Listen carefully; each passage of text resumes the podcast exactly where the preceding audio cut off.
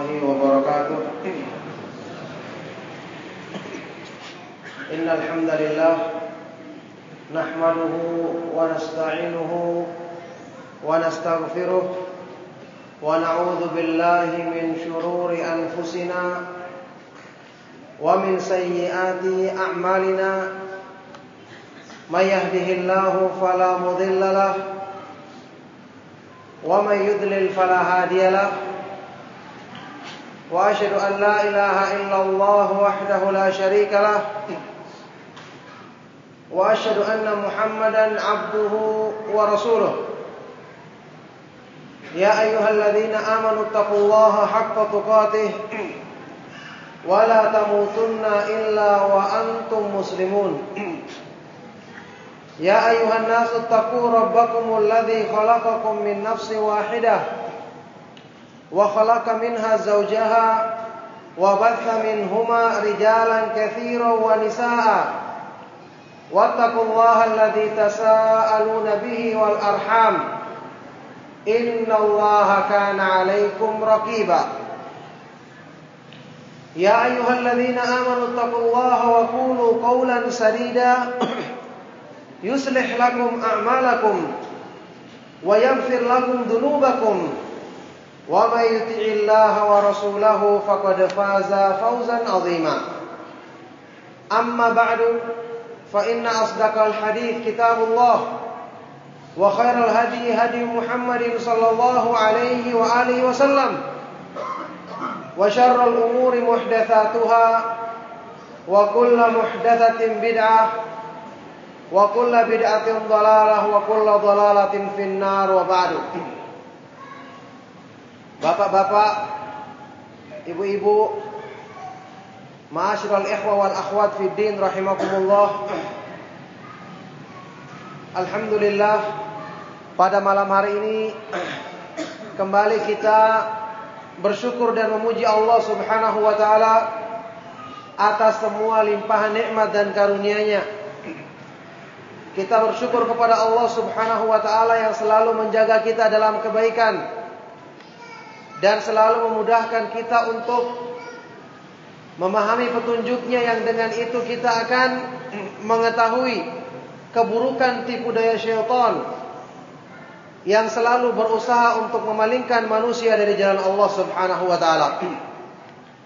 Alhamdulillah kembali kita bertemu di malam hari ini untuk satu tujuan yang mulia mensyukuri nikmat Allah Subhanahu wa taala untuk berusaha memperbaiki diri dengan petunjuk Allah dalam ayat-ayat Al-Qur'an dan hadis-hadis Rasulnya Nabi kita Nabi Muhammad sallallahu alaihi wasallam. Ma'asyiral ikhwa wal akhwat fid din rahimakumullah. Pada malam hari ini kita akan membahas tentang bagaimana memahami Al-Quran yang benar sesuai dengan keridhaan Allah Subhanahu wa Ta'ala, karena setelah kita mengetahui bersama bahwasanya Al-Quran diturunkan untuk menjamin keselamatan manusia di dunia dan di akhirat. Fa imma ya'tiyannakum minni hudan Famanittaba'a hudaya fala yadhillu wa la.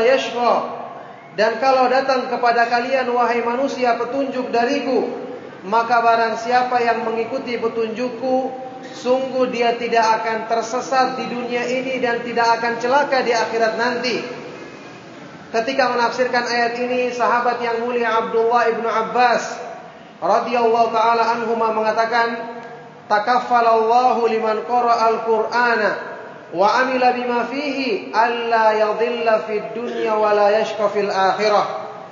Allah menjamin Allah menanggung bagi orang-orang yang membaca Al-Qur'an memahaminya dan mengamalkan kandungannya maka sungguh dia tidak akan tersesat di muka bumi di dunia ini dan tidak akan celaka di akhirat nanti.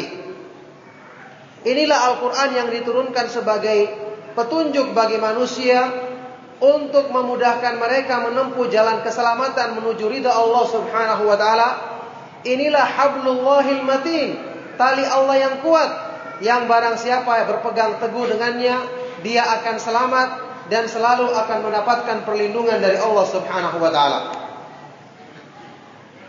Ma'asyiral muslimin rahimakumullah.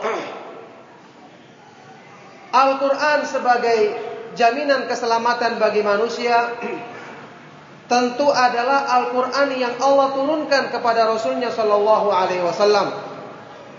Yang kemudian diamalkan dengan sebaik-baiknya dalam bentuk ucapan dan perbuatan oleh Nabi kita Nabi Muhammad Shallallahu alaihi wasallam. Sehingga Rasulullah Sallallahu Alaihi Wasallam beliaulah yang menjelaskan kepada umat manusia tentang makna yang benar dari kandungan Al-Quran. Oleh karena itu, Allah Subhanahu Wa Taala menjadikan Rasulullah Sallallahu Alaihi Wasallam sebagai penjelas makna Al-Quran. Allah Subhanahu Wa Taala berfirman, wa anzalna ilaika dzikra litubayyana lin-nasi ma nuzila ilaihim dalam surat An-Nahl dan kami turunkan kepadamu Al-Qur'an ya Rasulullah supaya kamu jelaskan kepada mereka apa yang telah diturunkan kepada mereka. Supaya kamu jelaskan kepada manusia apa yang telah diturunkan kepada mereka. Makanya salah satu prinsip akidah ahlu sunnah wal jamaah seperti yang diterangkan oleh Imam Ahmad bin Hambal rahimahullah taala dalam kitabnya Usul Sunnah termasuk dasar-dasar pokok pemahaman ahlu sunnah wal jamaah adalah wa anna sunnata tufassirul qur'ana wahiyya dalailuha. Dan bahwasanya sunnah hadis-hadis Nabi Shallallahu Alaihi Wasallam inilah yang menafsirkan yang menjabarkan makna Al-Quran dan sunnah inilah yang merupakan dalail petunjuk-petunjuk untuk memahami makna Al-Quran. Setelah Rasulullah Sallallahu Alaihi Wasallam yang beliau menjelaskan makna Al-Quran kepada murid-murid beliau para sahabat radhiyallahu taala anhum ajma'in yang kemudian mereka mengamalkan agama Islam ini dengan sebaik-baiknya mengamalkan petunjuk Allah dan petunjuk Rasulnya dengan sebaik-baiknya para sahabat radhiyallahu taala anhum ajma'in sehingga mereka dipuji sebagai generasi yang terbaik, sebagai golongan manusia yang diridhoi oleh Allah Subhanahu wa taala yang hanya yang Allah hanya akan meridhoi orang-orang yang mengikuti jalan jalan mereka dengan baik. Makanya Allah berfirman dalam Al-Qur'an, "Was-sabiquna al-awwaluna minal muhajirin wal ansar walladzina tabauhum bi ihsan radhiyallahu anhum wa radu'an." Orang-orang yang pertama dan terdahulu masuk Islam dari kalangan sahabat muhajirin dan ansar kemudian orang-orang yang mengikuti petunjuk mereka dengan baik Allah ridha kepada mereka dan mereka ridha kepada Allah. Inilah para sahabat generasi terbaik umat ini yang keimanan mereka dijadikan ukuran bagi orang-orang yang ingin mendapatkan petunjuk darinya. Allah berfirman dalam Al-Quran amanu bihi ihtadaw wa in tawallaw fa innama hum fi shiqaq.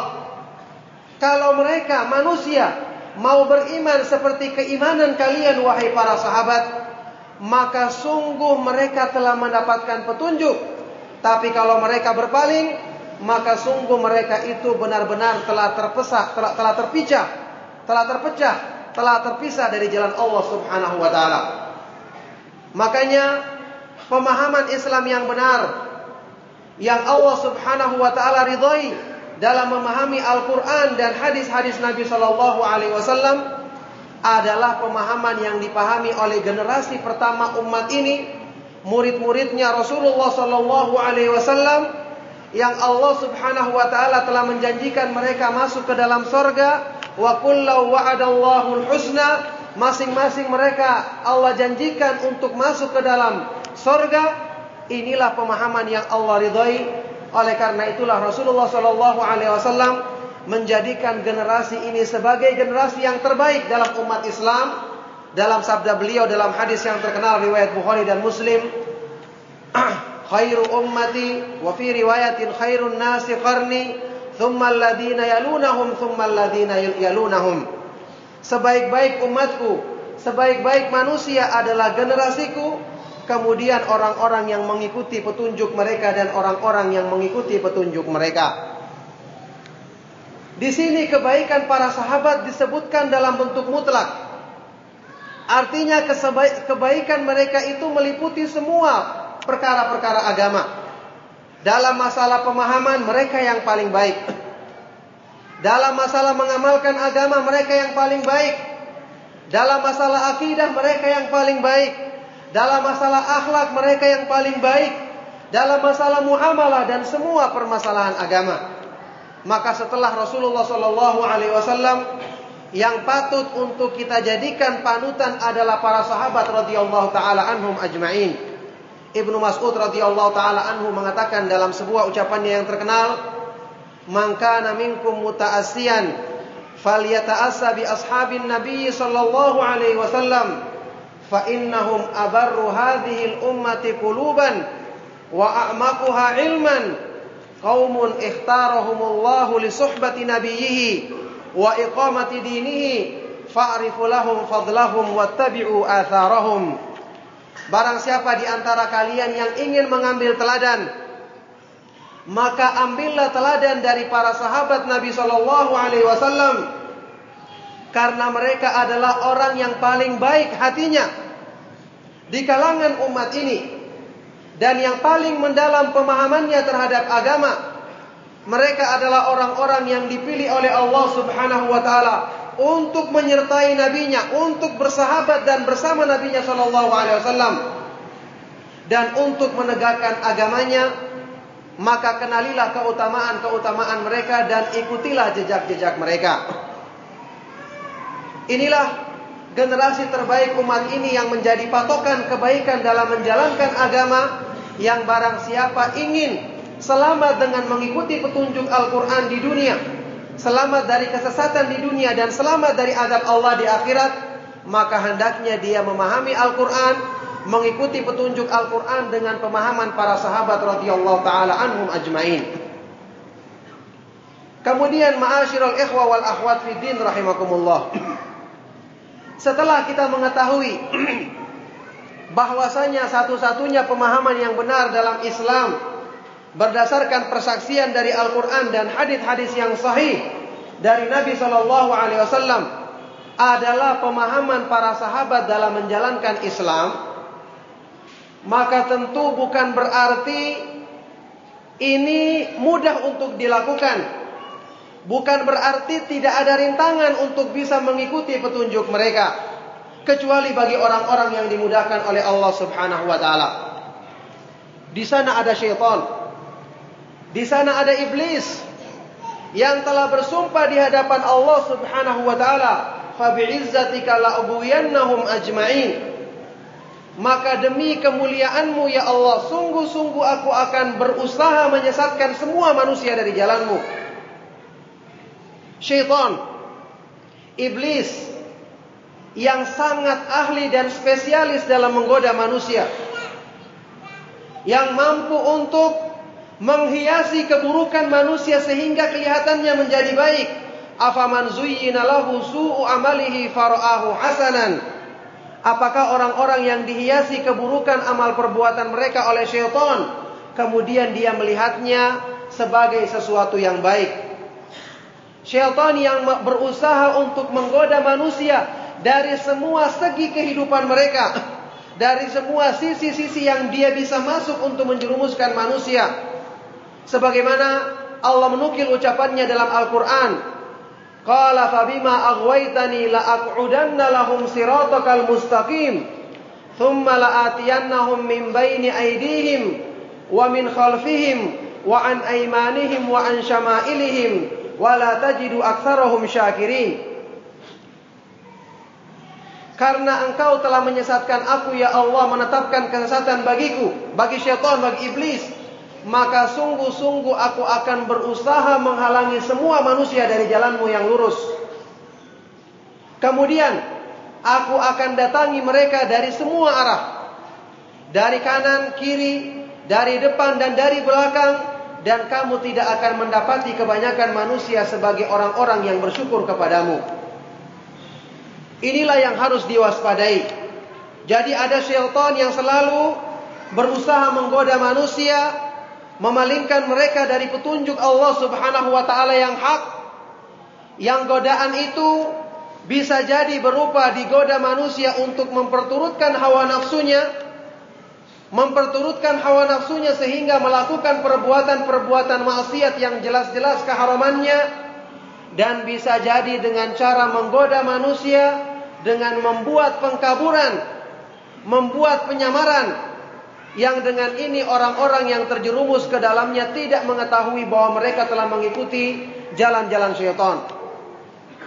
Maka di sinilah pada malam hari ini, pada pengajian kita kali ini saya akan menyebutkan beberapa contoh istilah-istilah dalam syariat yang secara asal maknanya benar tapi syaitan berhasil untuk mengkaburkan istilah tersebut sehingga menjadikan manusia atau sebagian dari manusia meyakininya, berpegang teguh dengannya, menganggapnya benar. Padahal istilah tersebut justru bertentangan dengan petunjuk Allah dan petunjuk Rasulnya Shallallahu Alaihi Wasallam bahkan sampai menyangkut masalah-masalah yang dasar dan pokok dalam Islam. Maka benarlah firman Allah Subhanahu wa taala sewaktu mengingatkan kita tentang godaan syaitan atau upayanya untuk merusak agama manusia dalam firman-Nya Wa kadzalika ja'alna likulli nabiyyin aduwan syayatinal insi wal jinni yuhi ba'dhum ila ba'din zukhrufal qawli. Demikianlah kami jadikan bagi setiap para nabi alaihi wassalatu wassalam musuh-musuh dari kalangan setan, jin maupun manusia.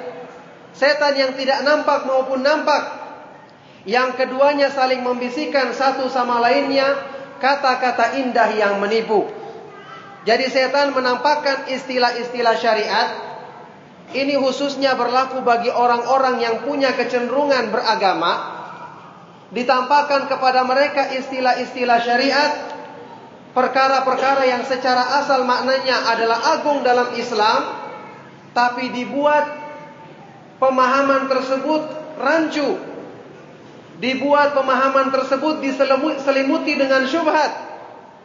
Sehingga membuat orang-orang yang memahaminya meyakininya benar apalagi dibungkus oleh syaitan dengan zuhrufal qawli gururo kata-kata indah yang menipu tujuannya untuk memperdaya manusia sehingga orang-orang yang meyakininya pun menyangka inilah kebenaran dan menyangka yang selainnya adalah keliru Apalagi dikesankan bahwa ajaran syaitan ini lebih cepat sampai kepada tujuan daripada ajaran yang disebutkan dalam petunjuk Allah dan petunjuk Rasulnya Shallallahu Alaihi Wasallam, maka syaitan berhasil menjadikan kegelapan ini dibungkus dengan kegelapan yang lainnya sehingga orang-orang yang telah terjerumus ke dalamnya sulit untuk melepaskan diri darinya. Banyak contoh-contoh dalam masalah ini saya katakan tadi sampai perkara-perkara yang paling penting dalam agama. Di antaranya dan contoh yang paling mudah. Mengenai apa yang kita dengar istilah dari para, para ulama yang namanya ma'rifatullah, mengenal Allah. Mengenal Allah disepakati semua orang muslim adalah perkara yang paling penting dalam agama.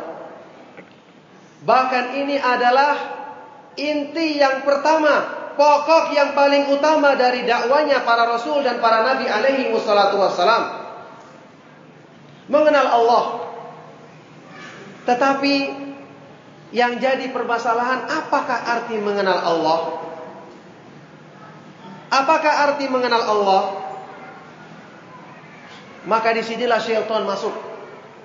Mengesankan kepada sebagian orang bahwa mengenal Allah itu tidak perlu dengan belajar Al-Quran, tidak perlu dengan belajar hadis. Cukup dia bertapa di tempat-tempat tertentu, di tempat-tempat yang sunyi, masuk ke hutan-hutan, kemudian dia merenung, bertapa, sambil mengucapkan zikir yang disangkanya adalah benar, maka akan tersingkap dalam pikirannya nanti tentang hijab yang tertutup sehingga dia bisa bertemu Allah, bisa melihatnya, bisa mengenalnya dan kemudian memiliki ma'rifatullah yang sempurna. Ada lagi orang yang kedua dibisiki oleh syaitan untuk mengenal Allah lewat mimpi. Mengenal Allah lewat mimpi, maka dia bertemu dengan sesuatu yang disangkanya sebagai Allah Subhanahu wa taala. Dia melihat sifat-sifatnya dan dia menetapkan inilah Allah dan beginilah cara mengenalnya. Ada lagi dengan bisikan jiwanya. Sehingga mereka-mereka ini kalau diajak untuk belajar Al-Quran, belajar hadis, maka langsung dia mengatakan hadatsani qalbi an rabbi. Telah menyampaikan kepadaku hatiku langsung dari Allah Subhanahu wa taala tanpa perlu pakai perantara. Inilah contoh istilah yang agung dalam Islam tapi dipahami dengan keliru, bukan cuma dengan keliru tapi dengan cara yang sangat tersesat dari agama Allah Subhanahu wa taala. Padahal arti ma'rifatullah yang benar. Yang benar-benar sesuai dengan petunjuk Allah dan petunjuk Rasulnya adalah mengenal Allah sesuai dengan apa yang Allah perkenalkan dirinya kepada hamba-hambanya dalam ayat-ayat Al-Quran dan hadis-hadis Nabi Shallallahu Alaihi Wasallam yang sahih. Tidak lebih daripada itu. Sekarang, apakah ada yang lebih tahu tentang Allah Subhanahu Wa Taala dibandingkan dirinya? Jawabannya tidak ada. Aantum a'lamu amillah? Apakah kamu lebih mengetahui tentang Allah dibandingkan dirinya? Tidak ada. Dia yang lebih mengetahui tentang dirinya. Kalau kita ingin mengenal sesuatu, kita ingin mengenal sesuatu, itu cara untuk bisa mencapainya adalah pertama dengan melihatnya. Dengan melihatnya langsung, maka Allah Subhanahu wa taala tidak ada yang bisa melihatnya di dunia ini. Rasulullah Shallallahu Alaihi Wasallam bersabda, "Ta'allamu anna ahada minkum layyara rabbahu hatta yamut." Ketahuilah, tidak ketahuilah bahwasanya masing-masing dari kalian tidak ada seorang pun yang bisa melihat Allah sampai dia meninggal dunia. Nanti di sorga baru kita berjumpa dan melihat wajah Allah Subhanahu wa taala yang maha mulia. Kemudian cara lain kita melihat yang semisal dengannya yang setara atau seperti dengannya. Maka jelas Allah Subhanahu wa taala mensucikan dirinya dari segala sesuatu yang serupa dengannya. Tidak ada satu makhluk pun yang serupa dan setara dengan dirinya yang maha mulia. Laisa kamitslihi syai'un wa samiul basir. Allah Subhanahu wa taala tidak ada sesuatu pun yang serupa dengannya dan dia maha mendengar lagi maha melihat. Hal ta'lamu lahu samia apakah kamu mengetahui ada sesuatu yang serupa dengan Allah Subhanahu wa taala? Fala tadribu lillahil amsal dan janganlah kalian membuat permisalan-permisalan bagi Allah Subhanahu wa taala. Maka tinggal cara yang ketiga untuk bisa mengenal Allah, yaitu berita dari Allah Subhanahu wa taala sendiri atau dari makhluknya yang paling mengenalnya yaitu Rasulullah sallallahu alaihi wasallam yang mana dalam hadis sahih riwayat Imam Bukhari beliau mengatakan inilah a'rafukum billahi wa asyaddukum lahu khasyah Aku adalah orang yang paling mengenal Allah dibandingkan kamu sekalian dan paling takut kepadanya. Maka berarti di sini mengenal Allah tidak mungkin selain dari petunjuk Allah dan petunjuk Al-Qur'an. Apa gunanya Al-Qur'an diturunkan sebagai penerang bagi jalan hidup manusia? Wa sebagai tibyanan likulli syai penjelas bagi segala sesuatu. Bal huwa ayatun bayyinatun fi suduril ladina utul ilma. Bahkan Al-Qur'an itu adalah ayat-ayat yang jelas. Petunjuk yang terang yang terdapat di dalam hatinya orang-orang yang berilmu. Apa gunanya Al-Qur'an diturunkan sebagai petunjuk? Kalau ternyata perkara yang paling penting dalam agama kita harus mendapatkannya dan bisa meraihnya melalui mimpi-mimpi, melalui bertapa, melalui khayalan-khayalan yang tidak ada artinya.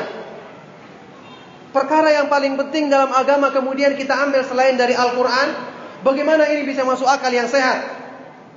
Maka jelas ini merupakan kesesatan yang nyata.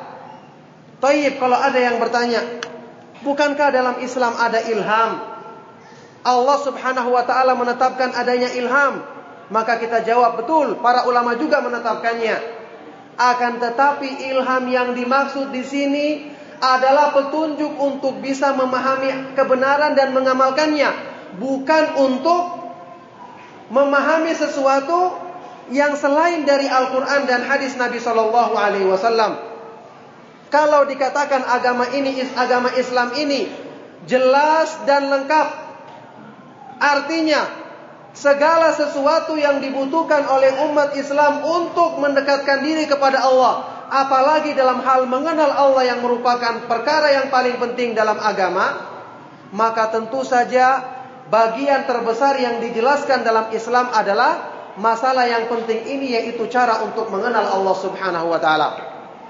Maka oleh karena itulah dalam hadis yang sahih Rasulullah sallallahu alaihi wasallam bersabda dalam hadis riwayat Imam Muslim, "Innahu lam yakun nabiyyun illa haqqana haqqan alaihi ayyadulla ummatahu ala khairin ma ya'lamuhu lahum wa yundirahum syarra ma ya'lamuhu lahum.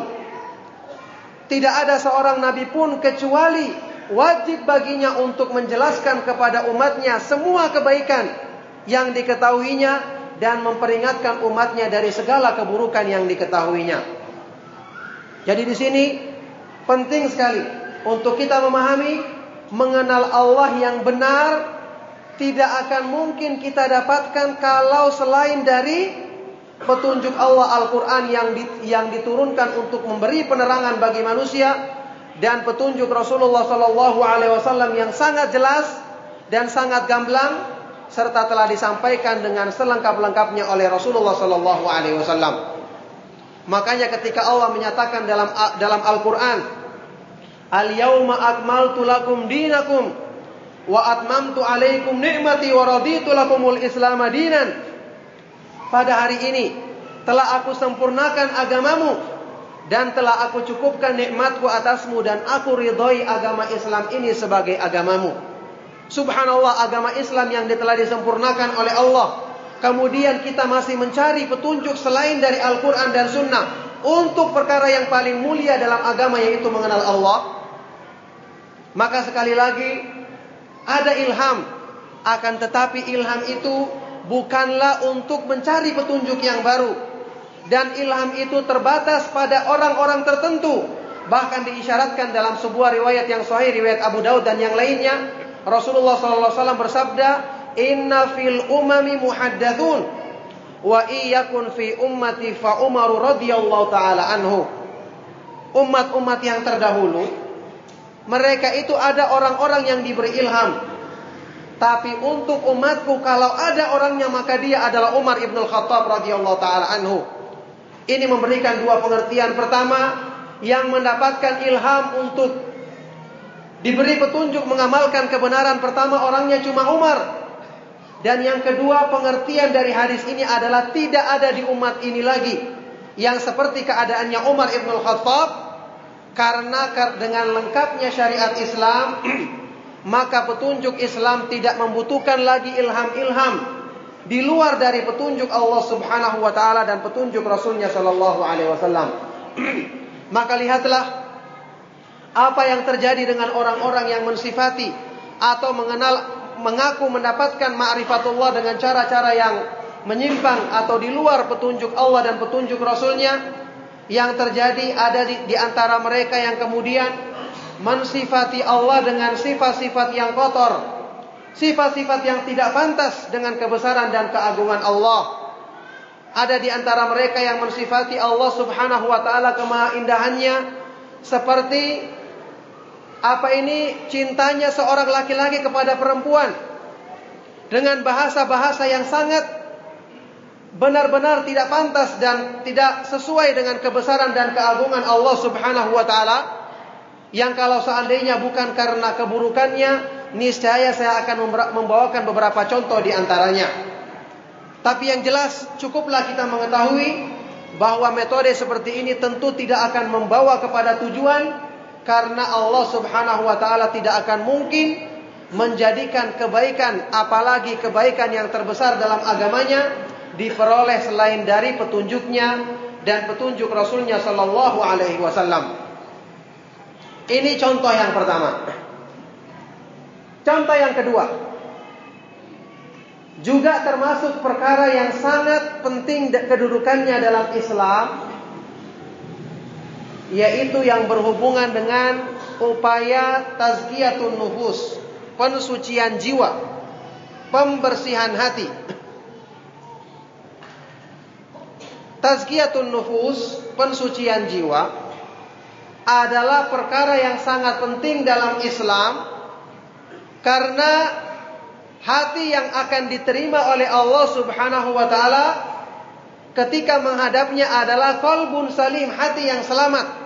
Hati yang bersih dari segala kotoran-kotoran yang menghalangi manusia untuk meraih keridhaan Allah Subhanahu wa taala. Oleh karena itulah, perkara yang berhubungan dengan pensucian jiwa itu diakui pentingnya oleh semua orang yang menisbahkan dirinya kepada Islam. Sampai-sampai Imam Ibnu Qayyim rahimahullah taala pernah mengatakan ajma as-sairuna ila Allah ala ikhtilafi turukihim wa tabayuni sulukihim ala anna nafsa hiyal qati'atu bainal abdi wa bainal wusuli ila rabb semua orang yang menempuh perjalanan dalam Islam yang menempuh perjalanan menuju Allah, yang berniat ingin mendekatkan diri kepada Allah, semua sepakat mengatakan bahwa nafsu manusia adalah penghalang utama bagi mereka untuk meraih keridhaan Allah Subhanahu wa taala. Inilah nafsu karena nafsu itu selalu mengajak kepada keburukan, selalu lebih mengutamakan dunia daripada balasan Allah di akhirat, selalu lebih mengutamakan hal-hal yang nampak daripada perkara-perkara yang gaib yang tidak nampak di hadapannya. Ini perkara yang penting. Tetapi sekali lagi perkara yang penting ini yang merupakan tugasnya para nabi dan para rasul alaihi wassalam untuk menjelaskannya kepada umat berhasil juga dibuat kerancuan oleh syaitan untuk memahaminya kepada sebagian manusia. Yang terjadi apa? Ketika manusia atau sebagian manusia mengetahui bahwa di dunia ini harus berjuang menundukkan hawa nafsu. Karena sifatnya penduduk sorga yang disebutkan dalam Al-Quran. Wa amma man khafa maqama wa nahan nafsa anil hawa. Fa innal jannata hiyal ma'wa. Adapun orang-orang yang takut dengan kebesaran Allah dan melarang nafsunya dari memperturutkan keinginannya, maka sungguh Allah akan jadikan sorga sebagai tempat kembali mereka. Dalam hadis yang sahih Rasulullah SAW bersabda, Al-mujahidu man jahada nafsahu fi ta'atillah. Orang yang berjihad dengan sesungguhnya adalah orang yang berjuang menundukkan nafsunya dalam ketaatan kepada Allah.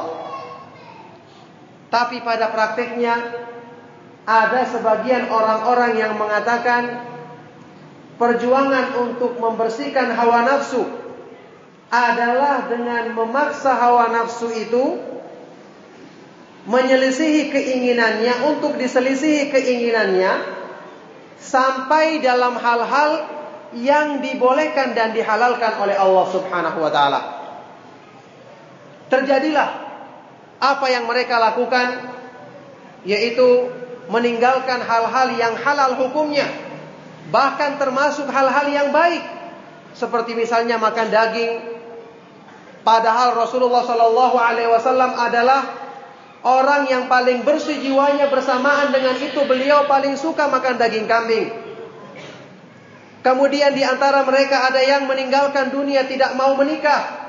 Padahal Rasulullah Shallallahu alaihi wasallam memperbolehkan seseorang itu menikah dengan cara yang sesuai dengan syariat Allah Subhanahu wa taala dan beliau bersabda wa atazawwajun nisa dan saya menikah dengan dengan perempuan dengan istri-istri beliau. Jadi timbul perkara-perkara yang di atas namakan persucian jiwa tapi berlebihan dan melampaui batas Sehingga yang terjadi bukan pensucian jiwa tapi rohbaniyah. Metode kependetaan. Hal-hal yang baru yang dibuat oleh orang-orang Nasrani dalam mengamalkan agama mereka. Allah sebutkan dalam Al-Quran. Warahbaniyatan ibtada'uha. Perkara rohbaniyah kependetaan yang mereka ada-adakan dalam agama. Jadi ini yang terjadi. Ketika istilah syariah yang agung ini diselewengkan artinya maka justru yang terjadi apa? Mereka akhirnya mengharamkan apa-apa yang dihalalkan oleh Allah Subhanahu wa taala padahal ini termasuk perkara yang sangat tercera dalam Al-Qur'an. Allah berfirman, "Wala lima lima tasifu alsinatukumul kadhiba halalun wa haramun litaftaru 'ala Allahil kadhib."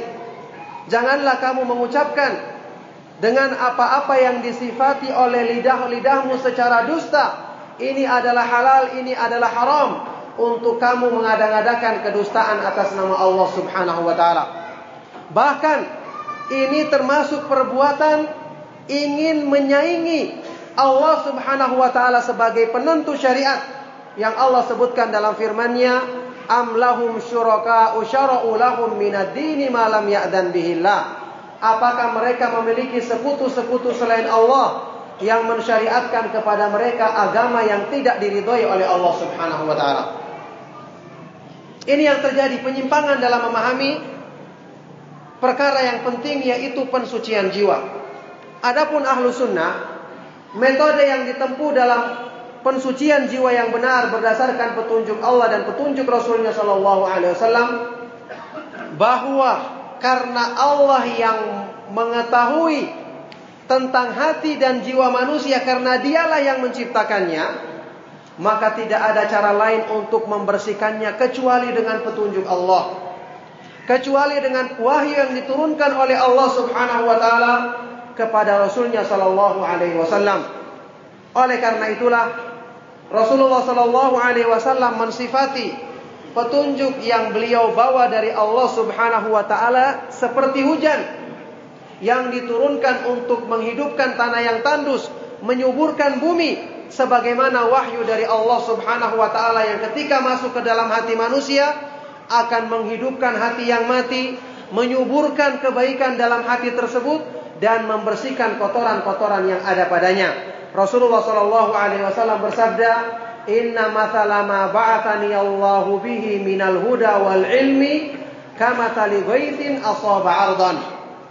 Sesungguhnya perumpamaan dari petunjuk dan ilmu yang aku bawa dari Allah Subhanahu wa taala adalah seperti perumpamaan hujan yang baik yang Allah turunkan ke muka bumi.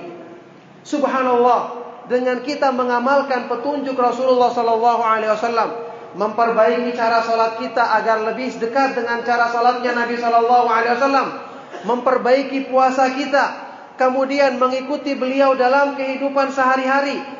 Kita boleh makan yang enak pun boleh asal tidak berlebihan. Asal dengan itu kita membaca basmalah di awalnya, kemudian kita mengucapkan alhamdulillah di akhirnya.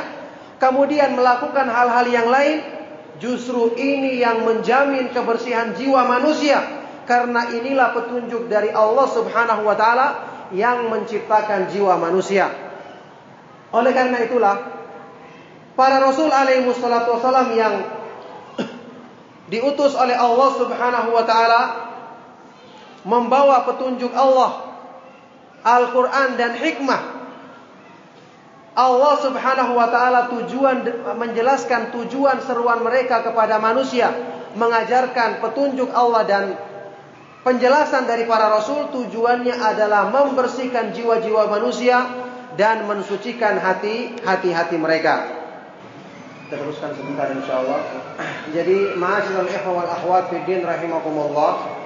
Jadi, justru Allah Subhanahu wa taala mengutus para rasul alaihi wassalatu wasalam tugas utama mereka adalah untuk membersihkan jiwa-jiwa manusia dari kotoran-kotoran yang menghalangi mereka untuk dekat kepada Allah dengan wahyu yang Allah turunkan kepada mereka.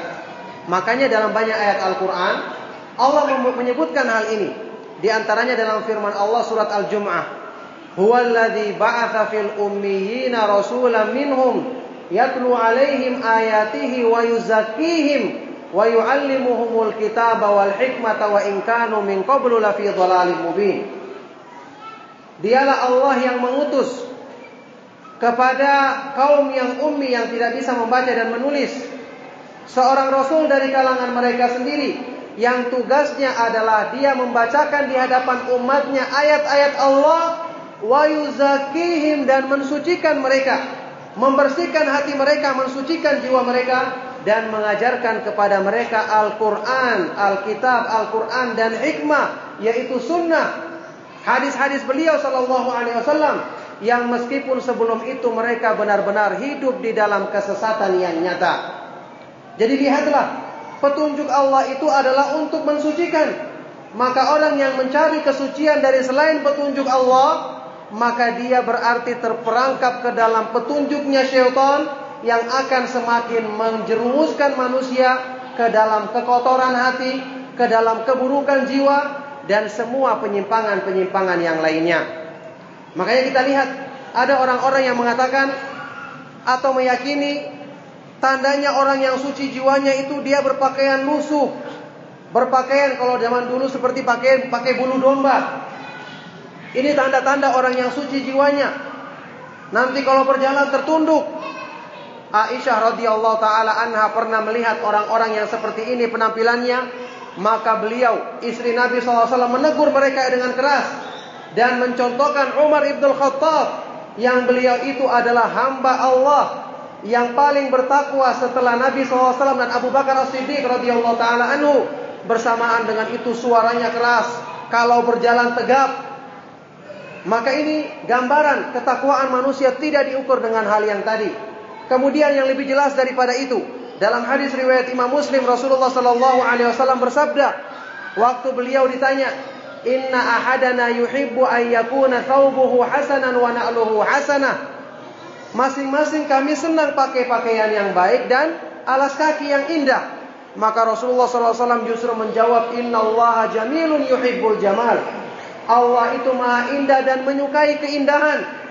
Justru memakai pakaian yang indah kalau tujuannya untuk mensyukuri nikmat Allah itu terpuji dan disenangi oleh Allah Subhanahu wa taala dicintai oleh Allah Subhanahu wa taala.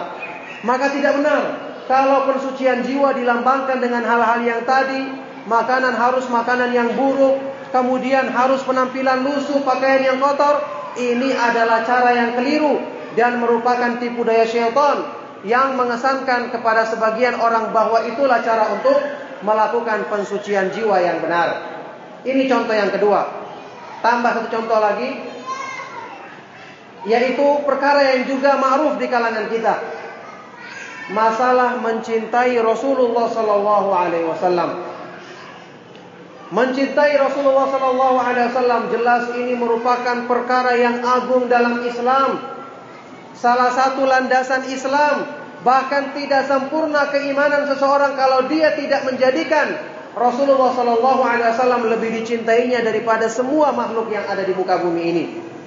Dalam hadis riwayat Bukhari Muslim Rasulullah wasallam bersabda, "La yu'minu ahadukum hatta akuna ahabba ilaihi min waladihi wa walidihi wan nasi ajma'in." Tidak beriman salah seorang di antara kamu sampai dia menjadikan aku lebih dicintainya daripada anaknya, orang tuanya dan semua manusia. Mencintai Nabi SAW adalah wajib hukumnya, bahkan termasuk perkara yang merupakan landasan Islam karena Rasulullah Wasallam adalah hamba Allah yang paling mulia dan paling bertakwa maka di antara manusia yang wajib kita yang paling wajib untuk kita cintai karena Allah adalah Rasulullah Shallallahu Alaihi Wasallam. Tapi perkaranya bagaimana memahami cinta kepada Rasulullah Shallallahu Alaihi Wasallam yang benar. Sebagian orang menjadikan mencintai Nabi Shallallahu Alaihi Wasallam adalah dengan melakukan hal-hal yang tidak dicontohkan dalam petunjuknya. Ada yang mengatakan mencintai Nabi SAW itu datang ke kuburannya kemudian meminta-minta di sana. Ini bukan hanya menyimpang tapi ini terma bahkan termasuk perbuatan syirik kepada Allah Subhanahu wa taala. Karena Allah Subhanahu wa taala tidak meridhai orang yang memohon kepada selainnya baik itu kepada nabi yang mulia ataupun malaikat sekalipun.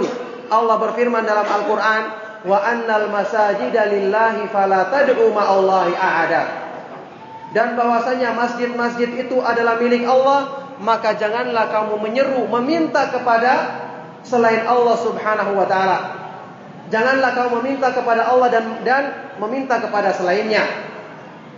Demikian pula dalam Al-Quran sendiri Allah subhanahu wa ta'ala memerintahkan kepada Rasulnya sallallahu alaihi wasallam untuk mengatakan Kulla amliku li nafsi naf'an wala dharran illa ma Allah Walau kuntu a'lamul ghaiba lastakthartu minal khairi wa ma massani yasu Katakanlah ya Rasulullah sesungguhnya aku tidak memiliki untuk diriku sendiri kemanfaatan dan kemadaratan kecuali dengan kehendak Allah Seandainya aku mengetahui perkara yang gaib, maka aku akan memperbanyak kebaikan ke, ke, ke, memperbanyak kebaikan untuk diriku sendiri dan tidak akan menimpaku keburukan. Rasulullah SAW tidak pantas untuk diminta karena beliau adalah manusia meskipun beliau adalah manusia yang paling mulia. Karena meminta itu ibadah dan ibadah itu hanya diserahkan kepada Allah Subhanahu wa taala semata-mata. Maka dari sinilah Rasulullah Alaihi sendiri mengingatkan dalam hadis Sahih riwayat Imam Bukhari. Beliau Wasallam bersabda, La tuturuni kama ataratin nasara ibna Maryam, fa innama abdun fakulu abdullahi wa rasuluh.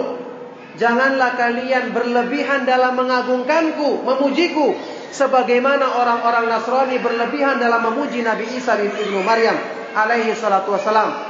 Karena aku ini adalah cuma hamba Allah, maka katakanlah Rasulullah Shallallahu Alaihi Wasallam adalah hamba Allah dan Rasulnya. Jadi tidak boleh melampaui batas. Tidak boleh kemudian kita berdoa kepada Nabi Shallallahu Alaihi Wasallam atau menjadikan beliau perantara dalam mendekatkan diri kepada Allah ini tidak boleh. Justru perbuatan syirik yang dilakukan oleh orang-orang musyrik Arab adalah mereka itu tidak langsung berdoa kepada sembahan-sembahan selain Allah, tapi tujuan mereka hanya menjadikan perantara dan ini justru yang menjadi arti syirik sesungguhnya karena syirik itu adalah menyekutukan Allah dalam beribadah. Makanya Allah nukil ucapan mereka yang mengatakan dalam Al-Qur'an, "Ma illa liyuqarribuna ilallahi zulfa." Kami tidak menyembah sembahan-sembahan tersebut, berhala-berhala tersebut kecuali agar mereka itu membuat kami lebih dekat kepada Allah Subhanahu wa taala dengan sedekat-dekatnya. Makanya inilah kita perhatikan kenapa yang menjadi sembahan-sembahan selain Allah itu adalah patung-patung yang dibuat berdasarkan nama-nama orang-orang yang soleh yang dianggap soleh di, di kalangan kaumnya. Maka terjadilah fitnah berlebih-lebihan dalam pengagungan seperti ini yang ini jelas bukan arti cinta yang sebenarnya yang diridhoi oleh Allah Subhanahu wa taala dalam mencintai Rasulullah sallallahu alaihi wasallam.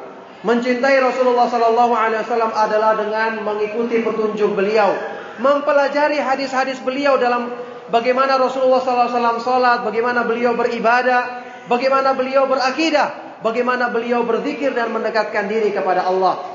Adapun hal-hal yang beliau larang tidak boleh dilakukan karena ini justru wujud cinta yang sebenarnya kita menjauhi apa yang dibenci oleh orang yang kita cintai. Makanya dalam hadis yang sahih ketika menggambarkan keadaannya para sahabat Nabi Shallallahu alaihi wasallam, sahabat yang mulia Anas bin Malik radhiyallahu taala anhu mengatakan, "Maka ahadun ahabba ila ashabin Nabi sallallahu alaihi wasallam minhu wala yakumuna lahu hina ra'awhu lima arafu min karahiyatihi lidalik." tidak ada seorang pun yang lebih dicintai oleh para sahabat Nabi Shallallahu Alaihi Wasallam melebihi Rasulullah Shallallahu Alaihi Wasallam.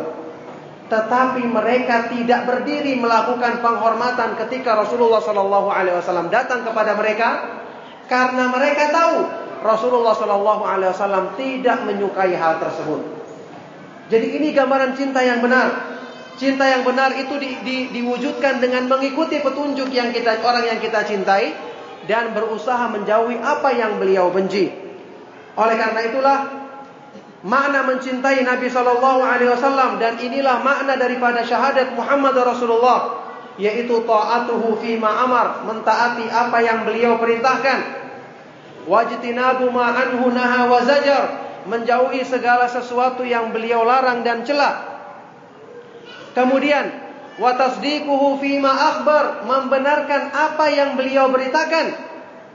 Dan yang terakhir wa alla yu'badallahu illa bima syara. Tidak boleh kita beribadah dan mendekatkan diri kepada Allah kecuali sesuai dengan syariat petunjuk yang beliau contohkan dengan sejelas-jelasnya dan selengkap-lengkapnya.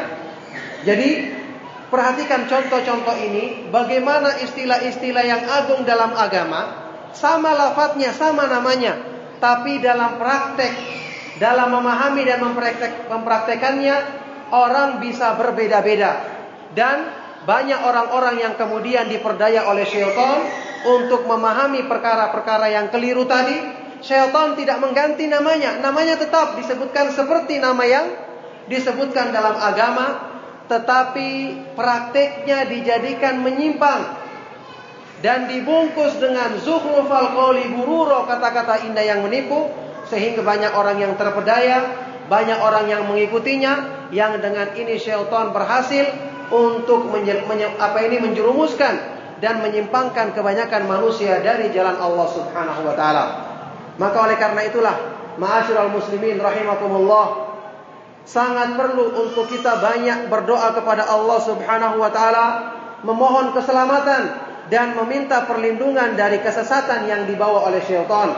Sangat perlu kita berpegang teguh dengan tali Allah, Al-Quran, belajari Al-Quran dan pemahamannya yang benar Pelajari ucapannya para sahabat dalam menafsirkan Al-Quran.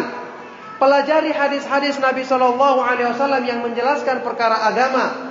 Pelajari petunjuk dan penjelasannya para ulama ahlu sunnah wal jamaah agar kita tidak tersesat.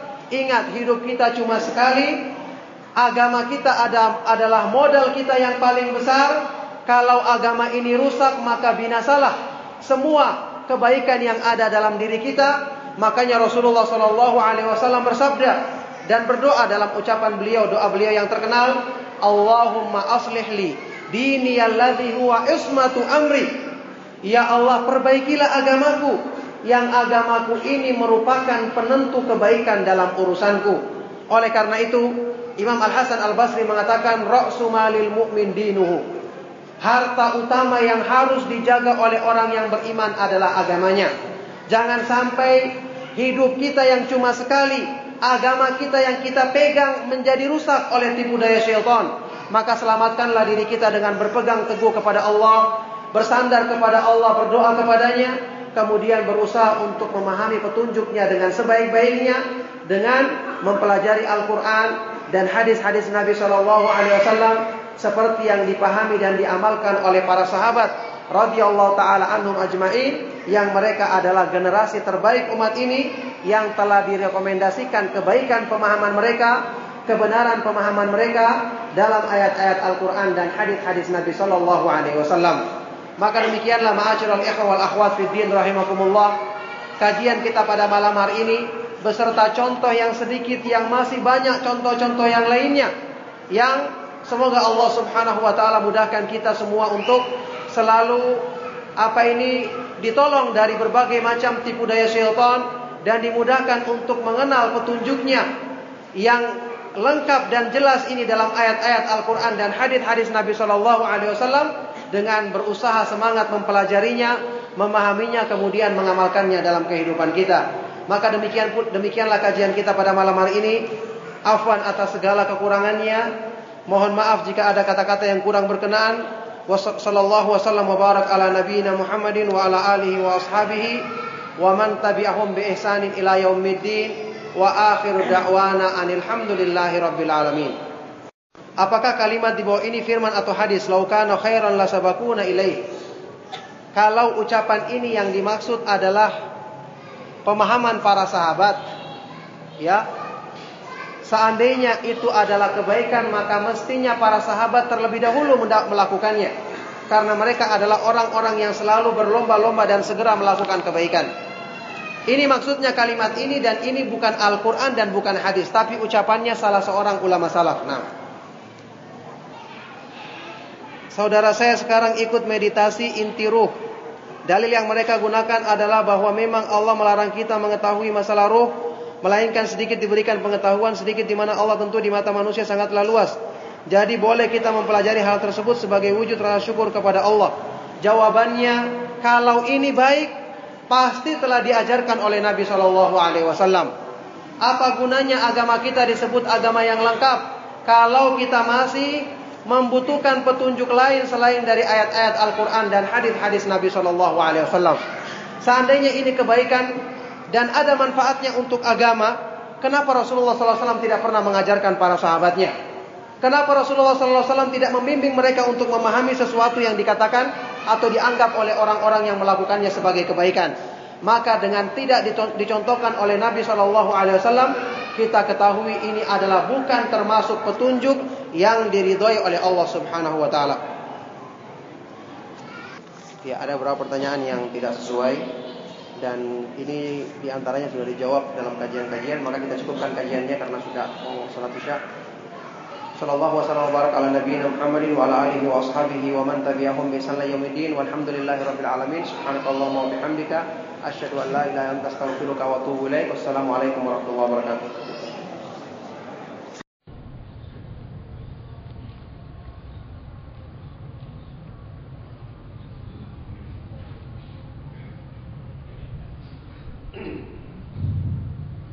إن الحمد لله نحمده ونستعينه ونستغفره ونعوذ بالله من شرور أنفسنا ومن سيئات أعمالنا.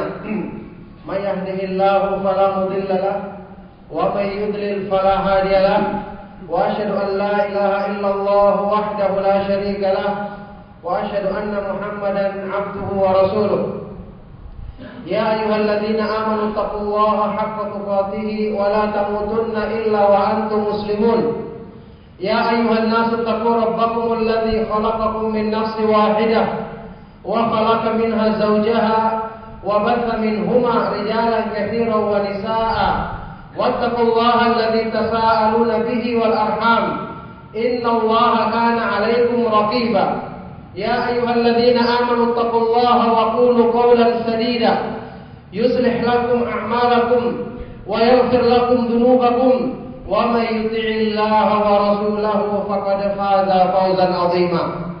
أما بعد فإن أصدق الحديث كتاب الله وخير الهدي هدي محمد صلى الله عليه وآله وسلم وشر الأمور محدثاتها وكل محدثة بدعة wa kullu bid'atin dalalah wa kullu dalalatin finnar.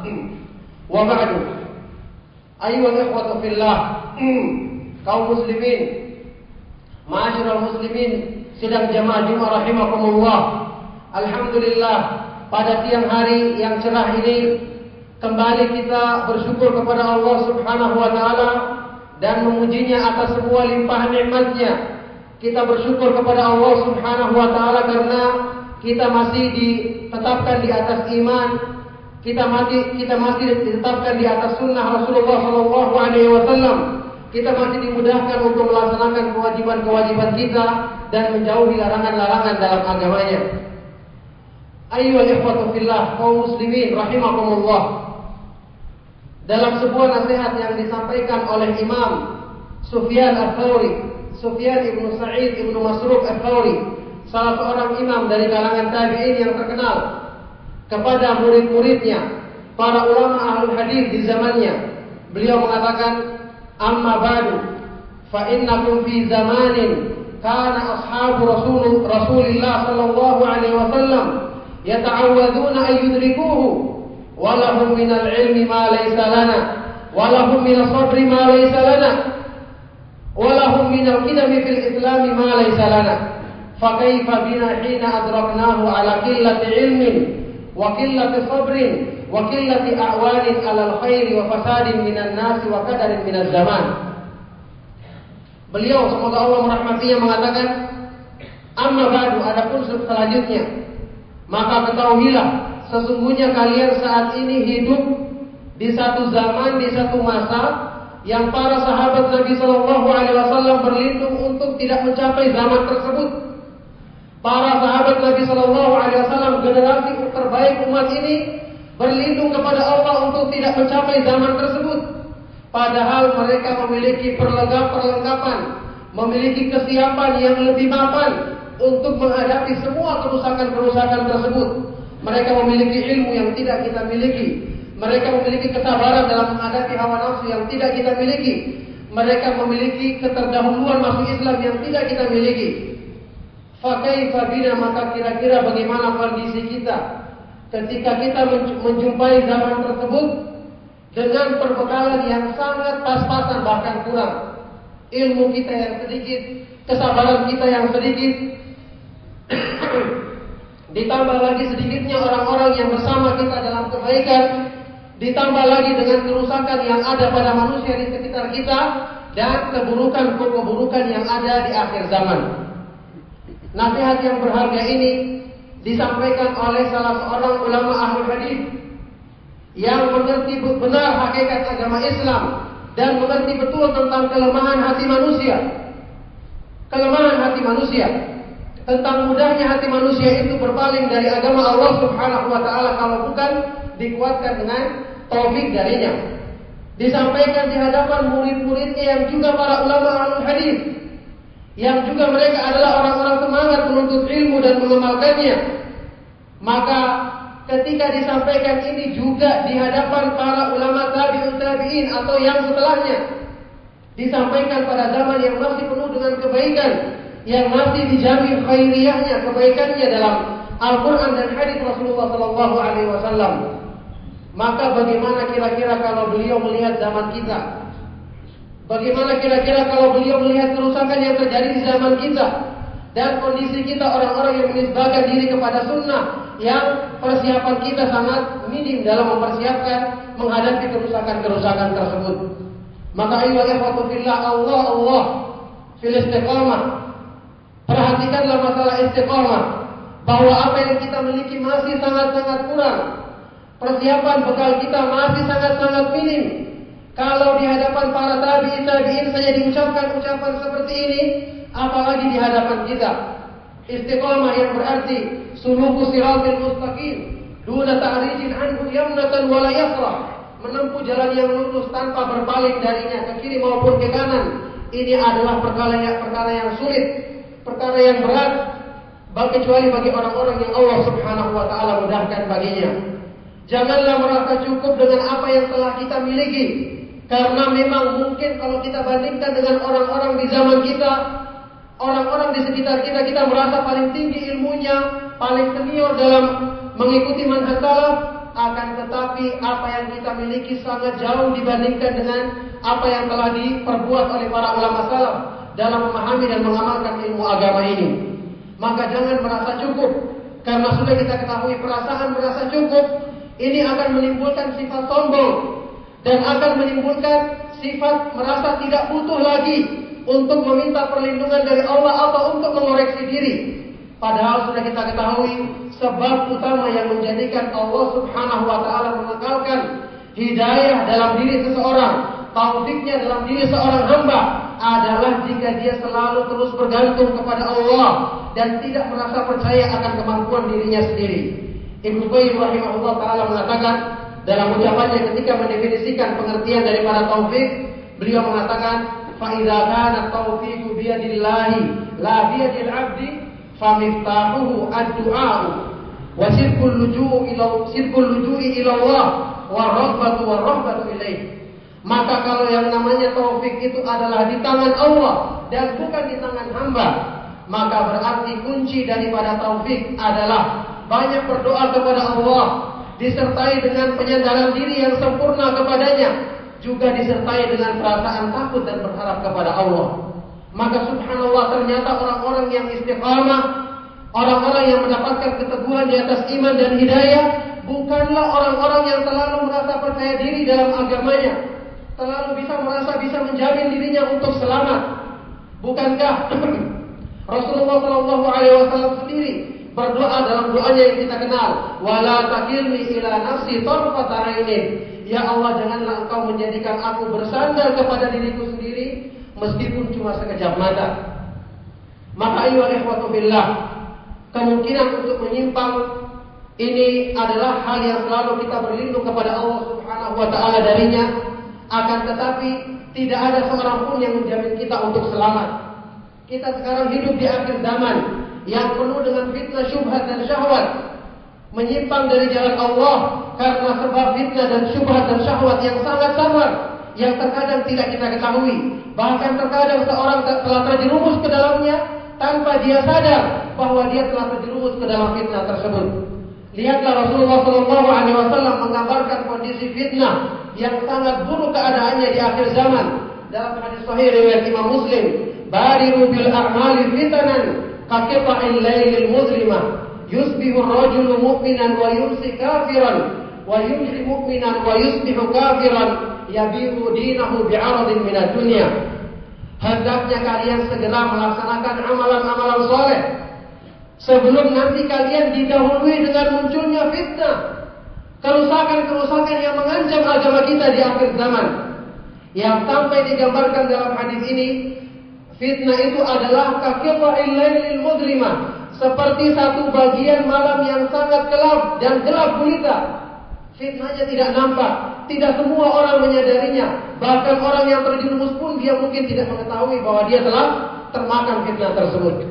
Yusbihu rajul mu'minan wa yumsi kafiran. Sehingga ketika datangnya fitnah ini ada orang yang di pagi harinya dalam keadaan beriman, sore harinya dia telah menjadi kafir, mungkin tanpa disadarinya. Dan ada orang yang di sore harinya dalam keadaan beriman, besok paginya dia telah menjadi kafir. Ia dinahu bi'aradin minad dunia karena dia menjual agamanya dengan salah satu dari perhiasan dunia. Maka ayo ikhwatu fillah, kaum muslimin rahimakumullah, hendaknya masing-masing jiwa melihat bagaimana dirinya menghadapi fitnah-fitnah tersebut di akhir zaman. Hendaknya di masing-masing jiwa membekali dirinya dengan sesuatu yang menguatkan. Karena sekali lagi yang berhubungan dengan hati itu tidak sama dengan mengarahkan anggota badan. Hati manusia itu disebutkan dalam hadis yang Hasan riwayat Ibnu Majah Rasulullah sallallahu alaihi wasallam bersabda, "La qalbu bani Adam asyaddu qilaban minal qidri idza ijtama'at ghalayanan." Sungguh-sungguh hati manusia itu lebih mudah berbolak-baliknya, lebih mudah berpaling dan berubah-ubahnya dibandingkan dengan berbolak-baliknya air yang terkumpul dalam panci ketika dalam keadaan mendidih. Bisa dibayangkan bagaimana lemahnya hati manusia. Bisa dibayangkan bagaimana mudahnya terpengaruh hati manusia kalau kita tidak bersandar kepada zat yang maha kuat, yang maha mampu untuk meneguhkan hati manusia. Oleh karena itulah kita ketahui semua di antara doa yang banyak diucapkan oleh Nabi Shallallahu Alaihi Wasallam, Ya Muqallibal Qulub Thabit Qalbi Ala Dinik. Wahai Allah yang membolak-balikan hati manusia, kuatkanlah hatiku di atas agamamu. Maka semoga dengan khutbah yang singkat ini mengingatkan kita akan pentingnya istiqamah dan berusaha untuk mencari sebab-sebab yang menguatkan hati kita. Barakallahu li wa lakum fil Qur'anil azim wa nafa'ani wa iyyakum bima fihi minal ayati wa dzikril hakim. ونفعنا بهدي سيد المرسلين وبقوله القويم أقول ما تسمعون وأستغفر الله لي ولكم ولسائر المؤمنين فاستغفروه إنه هو الغفور الرحيم.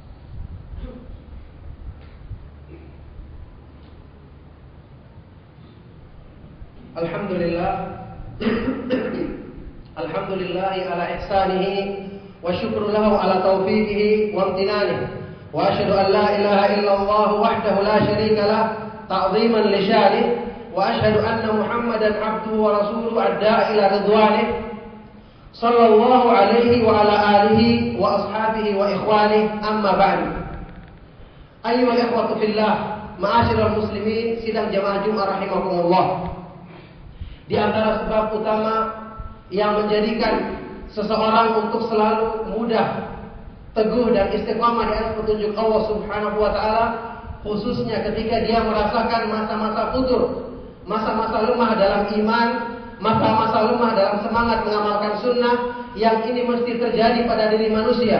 Sebagaimana sabda Rasulullah sallallahu alaihi wasallam, "Inna likulli amalin syarratan wa thumma fatratan." Faman kanat fatratuhu ila sunnati faqad ihtada wa man kanat ila ghairi dzalika faqad. Sesungguhnya masing-masing amal itu ada masa-masa semangatnya dan mesti ada masa-masa lemahnya, masa-masa futurnya. Maka barang siapa yang mengarahkan masa-masa lemahnya kepada sunnahku, maka sungguh dia telah mendapatkan petunjuk dan barang siapa yang mengarahkannya kepada selain itu, maka sungguh dia telah sesat. Di antara sebab utama yang hendaknya selalu kita pegang adalah berpegang teguh dengan Al-Quran dan Sunnah Rasulullah Sallallahu Alaihi Wasallam dengan pemahaman yang benar. Karena Al-Quran merupakan sumber peneguh utama bagi manusia. Allah Subhanahu Wa Taala berfirman dalam Al-Quran, وقال الذين كفروا لولا نزل عليه القرآن جملة واحدة كذلك لنثبت به فؤادك Demikianlah agar kami jadikan Al-Quran itu sebagai peneguh hatimu. Para sahabat Nabi Shallallahu Alaihi Wasallam sumber utama yang menjadikan mereka teguh adalah karena mereka mendengarkan langsung Al-Quran diturunkan dan dijelaskan maknanya oleh Nabi Nabi kita Nabi Muhammad Shallallahu Alaihi Wasallam. Makanya mereka adalah sosok teladan dalam masalah keteguhan iman bagaimanapun besarnya cobaan dan penderitaan hidup yang mereka alami ketika mempertahankan agama Allah Subhanahu wa taala. Sehingga dalam Sahih Imam Bukhari ketika Raja Romawi Heraklius menjelaskan bertanya tentang sebab keteguhan imannya para sahabat ketika beliau bertanya kepada Abu Sufyan dengan mengatakan hal yartadu ahadun minhum sahfatan lidinihi ba'da an dakhala fihi Apakah ada di antara sahabat Nabi Shallallahu Alaihi Wasallam yang murtad meninggalkan agamanya ketika mereka telah masuk ke dalam Islam ini padahal demikian banyak cobaannya? Maka dia menjawablah tidak ada seorang pun. Waktu itu Heraklius yang paham tentang ciri-ciri para nabi dan pengikutnya dari kitab Injil yang dipelajarinya mengatakan kadzalikal imanu hina tukhalitu basyashatuhul qulub. Memang demikian keadaannya iman ketika kemanisan iman itu telah masuk merasuk ke dalam relung hati manusia. Maka orang yang memilikinya tidak akan meninggalkan iman itu selama-lamanya. Inilah manfaat dari mempelajari akidah yang benar, mempelajari tauhid, utamanya tauhid nama-nama dan sifat-sifat Allah Subhanahu wa taala dan tauhid uluhiyah. Inilah manfaat dari mempelajari sunnah Nabi Shallallahu Alaihi Wasallam akan menguatkan keimanan dalam diri kita. Juga sebab lain yang tidak kalah pentingnya adalah selalu bergaul dengan orang-orang yang baik yang bisa memberikan nasihat kepada kita, khususnya kita ketika kita mengalami waktu-waktu yang kita merasakan diri kita sempit ketika menghadapi cobaan-cobaan dalam mempertahankan keimanan dan mempertahankan sunnah Nabi Shallallahu Alaihi Wasallam. Ibnu Qayyim rahimahullah taala menggambarkan tentang perang guru beliau Syekhul Islam Ibnu Taimiyah dalam masalah ini. Dalam kitab Al-Wabil beliau mengatakan wa kunna idza idza ishtadda bina al-khawfu wasa'at minna dhununu wa dhaqat bina al-ardu. Atainahu fama huwa illa an narahu. Wa nasma'a kalamahu dan kami murid-murid beliau murid-muridnya Ibu Taimiyah rahimahullah taala kalau kami merasakan ketakutan yang berlebihan ketika menghadapi cobaan-cobaan di jalan Allah merasakan munculnya prasangka-prasangka buruk dan merasakan dunia ini sempit kehidupan kami sempit apa yang kami lakukan? Atainahu. Kami akan mendatangi guru kami. Ibnu Taimiyah rahimahullah taala. Fama huwa illa an narahu maka belum lagi setelah kami melihat beliau dan mendengarkan nasma kalamahu, mendengarkan ucapannya, petunjuknya, nasihatnya, maka serta merta yadhabu dzalika kulluhu. Semua yang kami rasakan itu menjadi hilang. Wa yanqalibu insyirahan wa quwwatan wa yaqinan wa dan berganti dengan kelapangan dada, kekuatan, keyakinan dan ketenangan dalam jiwa. Subhanallah, nasihat dari seorang alim rabbani, seseorang yang paham tentang sunnah Nabi Shallallahu Alaihi Wasallam sangat kita butuhkan dalam mempertahankan agama Allah Subhanahu Wa Taala. Maka semoga Allah Subhanahu Wa Taala memudahkan kepada kita senantiasa untuk selalu apa ini memiliki atau melakukan sebab-sebab yang memudahkan kita untuk istiqamah di atas agamanya dan jangan lupa banyak berdoa kepada Allah Subhanahu wa taala karena hanya dialah yang mampu untuk meneguhkan dan menguatkan hati kita. Allahumma shalli ala Muhammad wa ala ali Muhammad kama shallaita ala Ibrahim wa ala ali Ibrahim innaka Hamidum Majid. Allahumma barik ala Muhammad wa ala ali Muhammad kama barakta ala Ibrahim wa ala ali Ibrahim innaka Hamidum Majid. اللهم اهدنا صراطك المستقيم صراط الذين أنعمت عليهم غير المغضوب عليهم ولا الضالين. ربنا لا تزغ قلوبنا بعد إذ هديتنا وهب لنا من لدنك رحمة إنك أنت الوهاب. ربنا اغفر لنا ولإخواننا الذين سبقونا بالإيمان ولا تجعل في قلوبنا غلا للذين آمنوا. ربنا إنك رؤوف رحيم. ربنا آتنا في الدنيا حسنة وفي الآخرة حسنة وقنا عذاب النار. صلى الله وسلم وبارك على نبينا محمد وعلى آله وأصحابه ومن تبعهم بإحسان يوم القيامة. وآخر دعوانا أن الحمد لله رب العالمين.